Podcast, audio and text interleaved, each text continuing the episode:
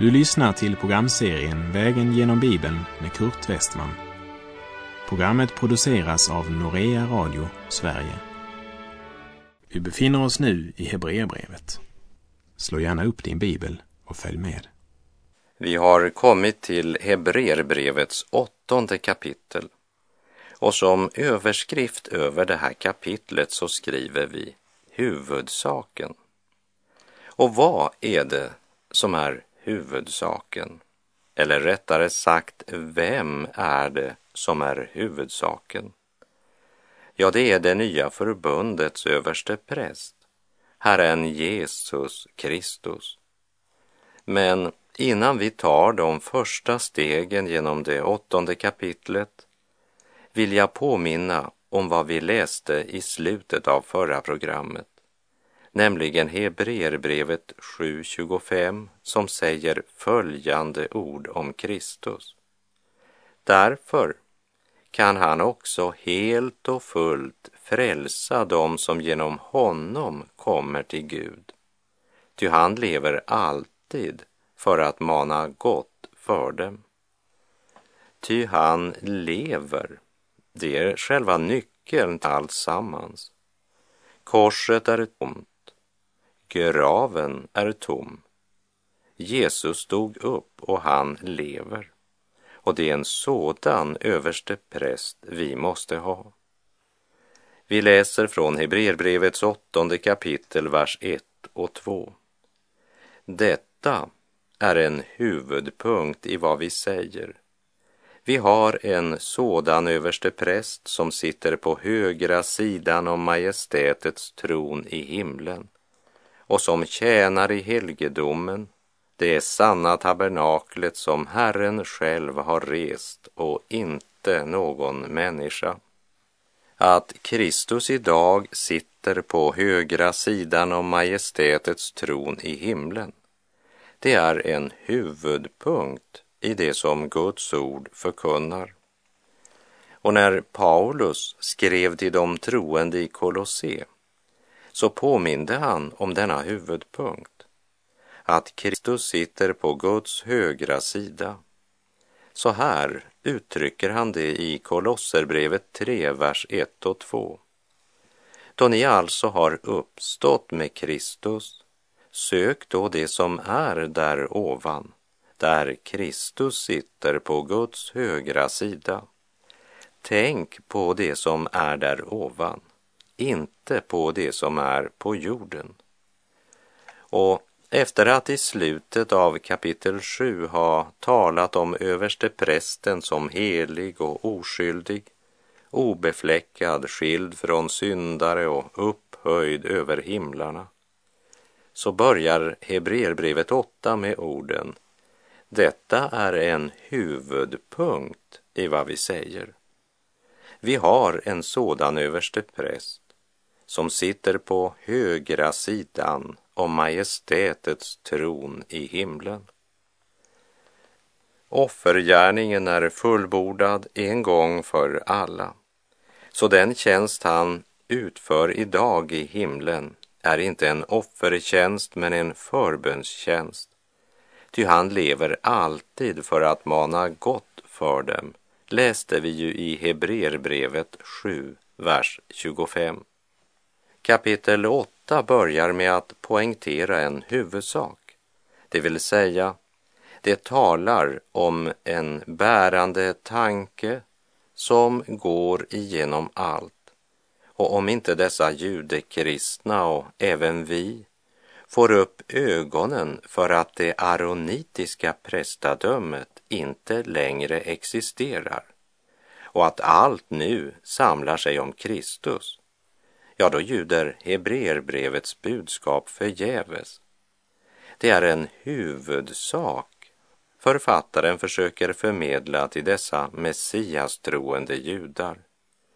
Nu ska de inte längre gå till ett eller annat jordiskt hus för att finna överste prästen. Nu är det inte längre en jordisk prästtjänst. Nu är den andlig och himmelsk och brevets författare vet att om de inte hittar dörren till den helgedomen och förblir där, så upphör snart det pulserande Kristuslivet. Och då börjar det handla om vår organisation och våra aktiviteter. Det verkar som om det inte är något som är så svårt att lära för Guds barn i alla tider och även idag som det himmelska prästadömet. Vi människor håller oss visst helst på jorden och då blir det viktigt med organisationer, prästkläder, kyrkobyggnader och kyrkokost. Hur svårt är det inte för Herren att få vårt fallna släkte att skåda in i den himmelska helgedom där Kristus är överste präst till evig tid. Vi har så svårt att se att det är där det andliga prästerskapet har sitt tabernakel. Men Hebreerbrevet 8 börjar med att säga att det faktiskt är en huvudpunkt i Guds barns liv och bekännelse. Petrus skriver i Petrus första brev kapitel 2, vers 4 och 5.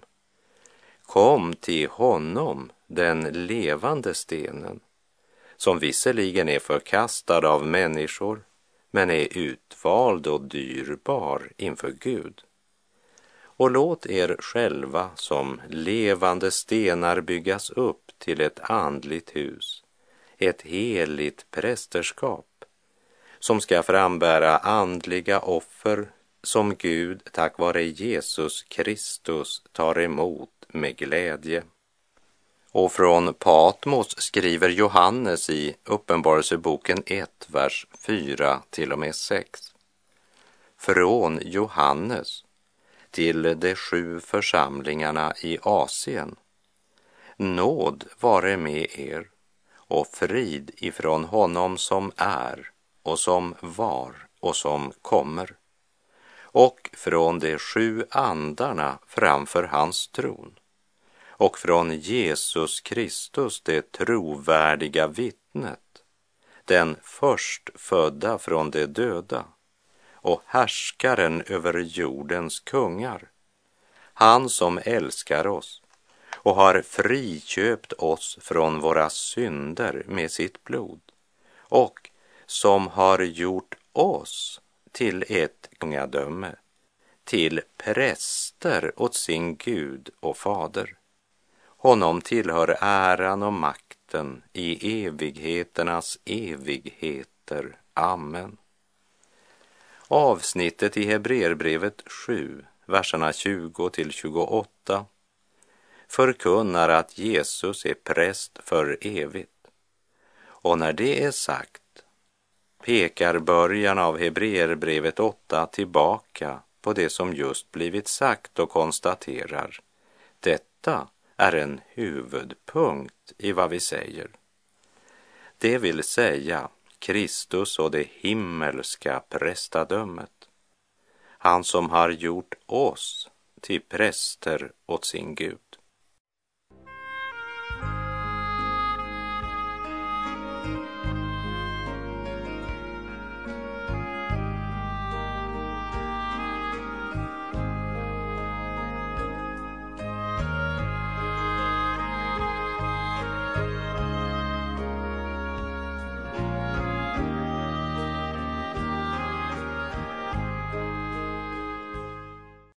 Vi läser Hebreerbrevet 8, vers 3 och 4.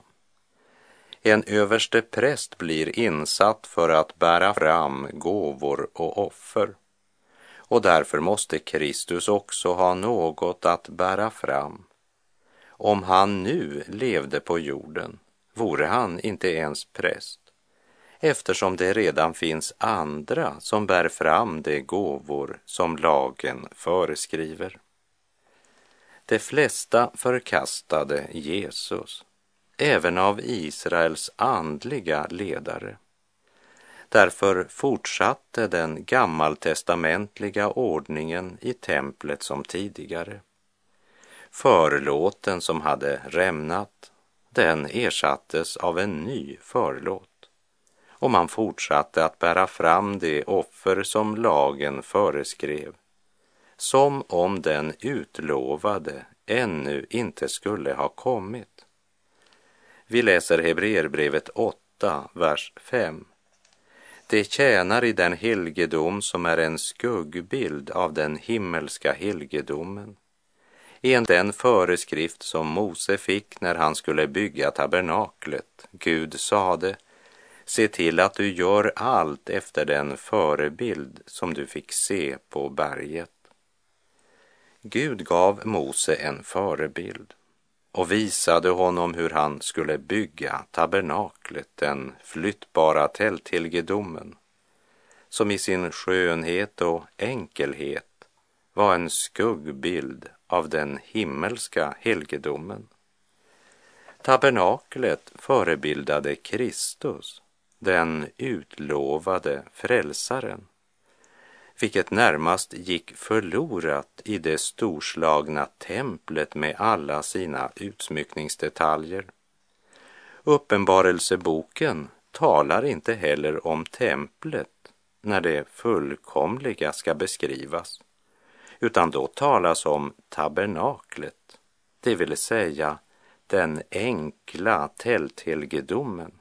Det är värt att reflektera över.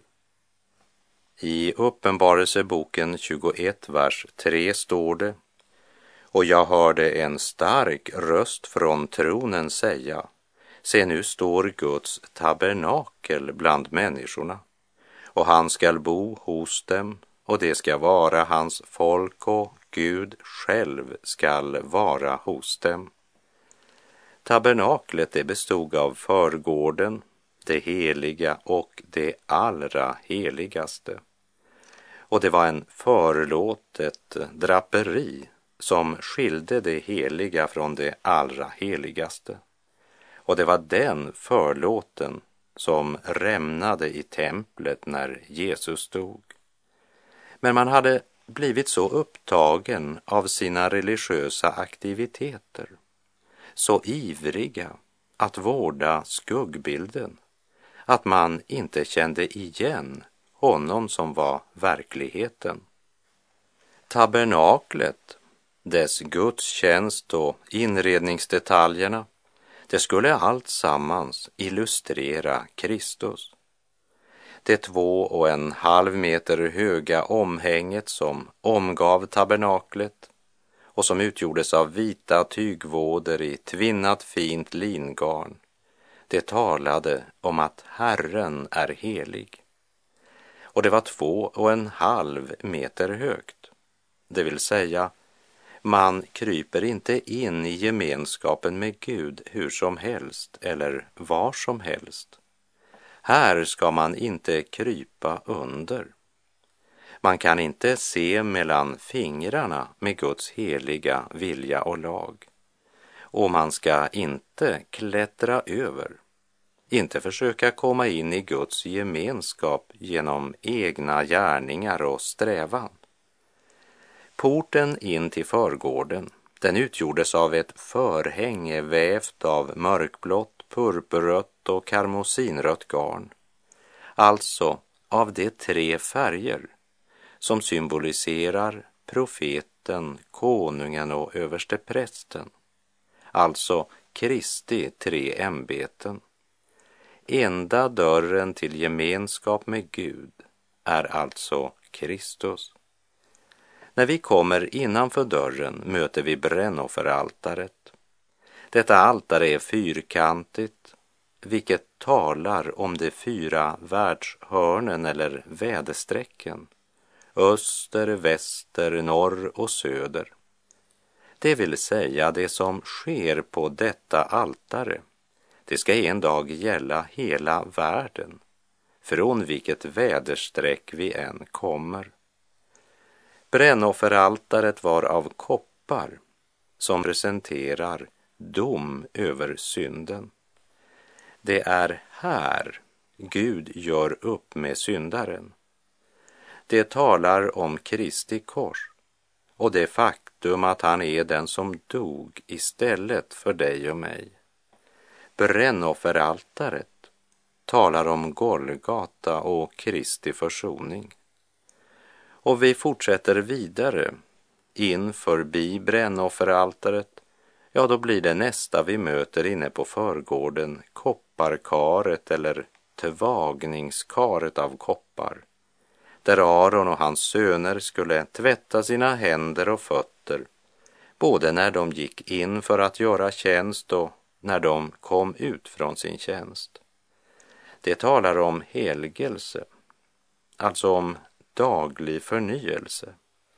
Det talar om människans ansvar. Den tillbedjande skulle inte bara vara förlossad men också ständigt renas på nytt, leva i helgelse. Även den som blivit försonad vid brännofferaltaret kan falla i synd.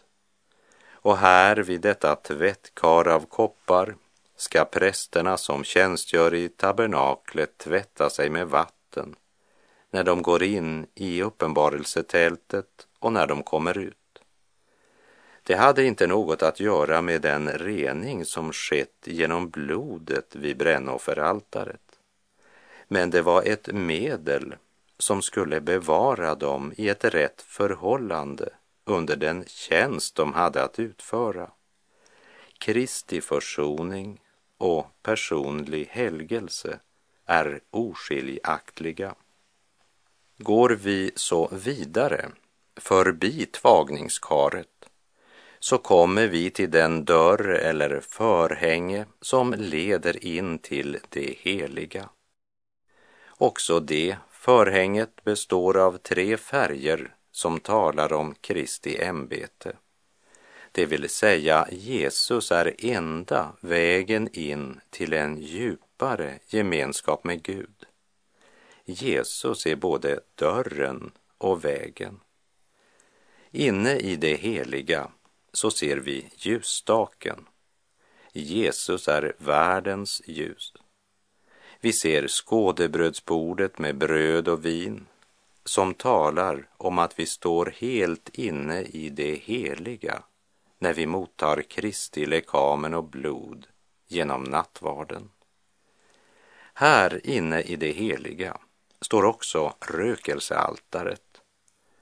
Och när det gäller bönen så är rökelsealtaret på ett speciellt sätt en stark illustration och även detta altare är fyrkantigt. Det vill säga det omfattar alla fyra väderstreck, alltså hela världen.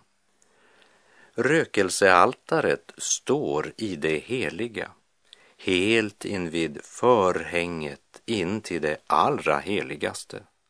Och så står också vi vid förhänget in till evighetens värld när vi ber. Men framför allt talar rökelsealtaret om den förhärligade Kristus som i himlen ber för oss.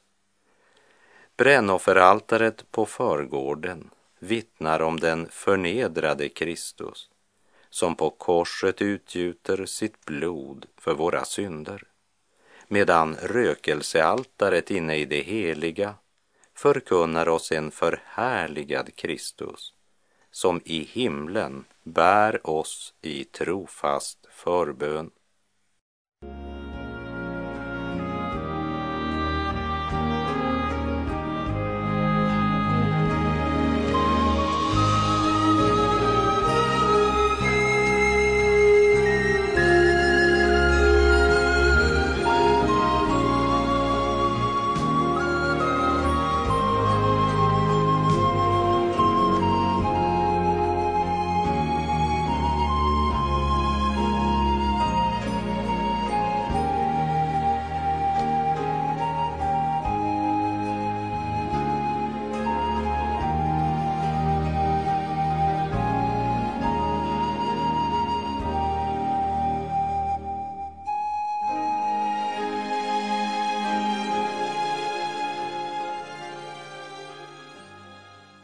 På den stora försoningsdagen en gång om året så gick översteprästen in genom förhänget som skilde det heliga och det allra heligaste där paktens ark med sitt lock som hette soningslocket eller nådastolen var placerad. I förbundsarken som var gjord av trä och överdragen med guld, både invändigt och utvändigt. Och i den förvarades de två tavlorna med de tio buden samt Arons stav och en kruka med manna. De tio buden talar om att Gud är helig och att budorden ligger i förbundsarken täckta av nådastolen talar om att Jesus har uppfyllt lagens krav i vårt ställe. Mannat talar om att Jesus är livets bröd även idag. Och Arons stav som grönskade talar om Kristi uppståndelse. Och det var här, vid nådastolen, Gud uppenbarade sig och talade till sitt folk. Och allt det här, det var en skugga, en illustration som skulle förkunna honom som en dag skulle komma och genom sitt fullkomliga offer försona hela världens synd. Och då skulle skuggan försvinna när verkligheten kom. Men man hade blivit så upptagen av sina religiösa aktiviteter, så ivriga att vårda skuggbilden att man kände inte igen honom som var verkligheten. Och nu frågar jag dig, är Kristus verklig för dig just nu? Eller är det gudstjänstlokalen, organisationen, aktiviteterna, de religiösa ceremonierna, gudstjänstformen och traditionen som utgör ditt gudstjänstliv. En huvudpunkt i det som Hebreerbrevet förkunnar är att du har en överste präst som sitter på högra sidan om majestätets tron i himlen och som tjänar i helgedomen det sanna tabernaklet. Bli inte så upptagen av skuggbilden att du missar verkligheten. Vi läser Hebreerbrevet 8, vers 6. Men nu har Kristus ett högre prästämbete, liksom det förbund han är medlare för är bättre, eftersom det är stadfäst med bättre löften. Det nya förbundet där Kristus är överste präst och där alla som tror på honom är ett utvalt släkte ett konungsligt prästerskap, ett heligt folk, ett Guds eget folk för att vi ska förkunna hans härliga gärningar. Ordet bättre är ett nyckelord. Jesus är medlare för ett bättre förbund som är stadfäst med bättre löften. För det första så är den gamla paktens löften till Abraham uppfyllda i Kristus. För det andra så gav Jesus vid sin himmelsfärd löftet om den helige Ande. Därför skriver också Paulus i Andra Korinthierbrevet 3, verserna 5 och 6. Inte så att vi av oss själva skulle kunna tänka ut något på egen hand, utan vår förmåga kommer från Gud. Han har gjort oss dugliga till att vara tjänare åt ett nytt förbund som inte är bokstavens utan andens. Ty bokstaven dödar, men anden ger liv. Och Uppenbarelsebokens första kapitel, verserna 5 och 6, talar om Jesus Kristus, det trovärdiga vittnet, den förstfödde från de döde och härskaren över jordens kungar. Han som älskar oss och har friköpt oss från våra synder med sitt blod och som har gjort oss till ett kungadöme, till präster åt sin Gud och fader. Honom tillhör äran och makten i evigheternas evigheter. Amen. Guds rike och den kristna enheten är inte en organisation men en andlig gemenskap. Mor räknar alla sina barn som sina, vare sig de bor i ett hus eller om var och en bor i sitt eget. Och en syskonflock är ett, om de så skulle vara spridda över hela jorden, ha olika uppgifter och även olika syn på många saker, så är de ändå ett. De är syskon, så är också Guds folk ett, även om den yttre skillnaden kan vara stor. Och det nya testamentet känner inte heller något annat prästerskap än Guds folk. Så är också var och en som tror präst i det nya förbundet. I Kristus har Gud gjort oss till kungar och präster i den helgedom där Kristus är överste präst. Därför skriver Paulus i Kolosserbrevet 3, verserna 1 till och med 3. Då ni alltså har uppstått med Kristus, sök då det som är där ovan, där Kristus sitter på Guds högra sida. Tänk på det som är där ovan, inte på det som är på jorden. Ty ni har dött och ert liv är dolt med Kristus i Gud. Detta är en huvudpunkt i vad vi säger. Vi har en sådan överste präst som sitter på högra sidan om majestätets tron i himlen och som tjänar i helgedomen, det sanna tabernaklet som Herren själv har rest och inte någon människa. Kristus har ett högre prästämbete, liksom det förbund han är medlare för är bättre, eftersom det är stadfäst med bättre löften. Så tänk på honom som sitter på högra sidan om majestätets tron i himlen, som är medlare för ett bättre förbund med bättre löften, där Kristus är överste präst. Och kom ihåg att du har dött med Kristus och att ditt liv är fördolt med Kristus i Gud.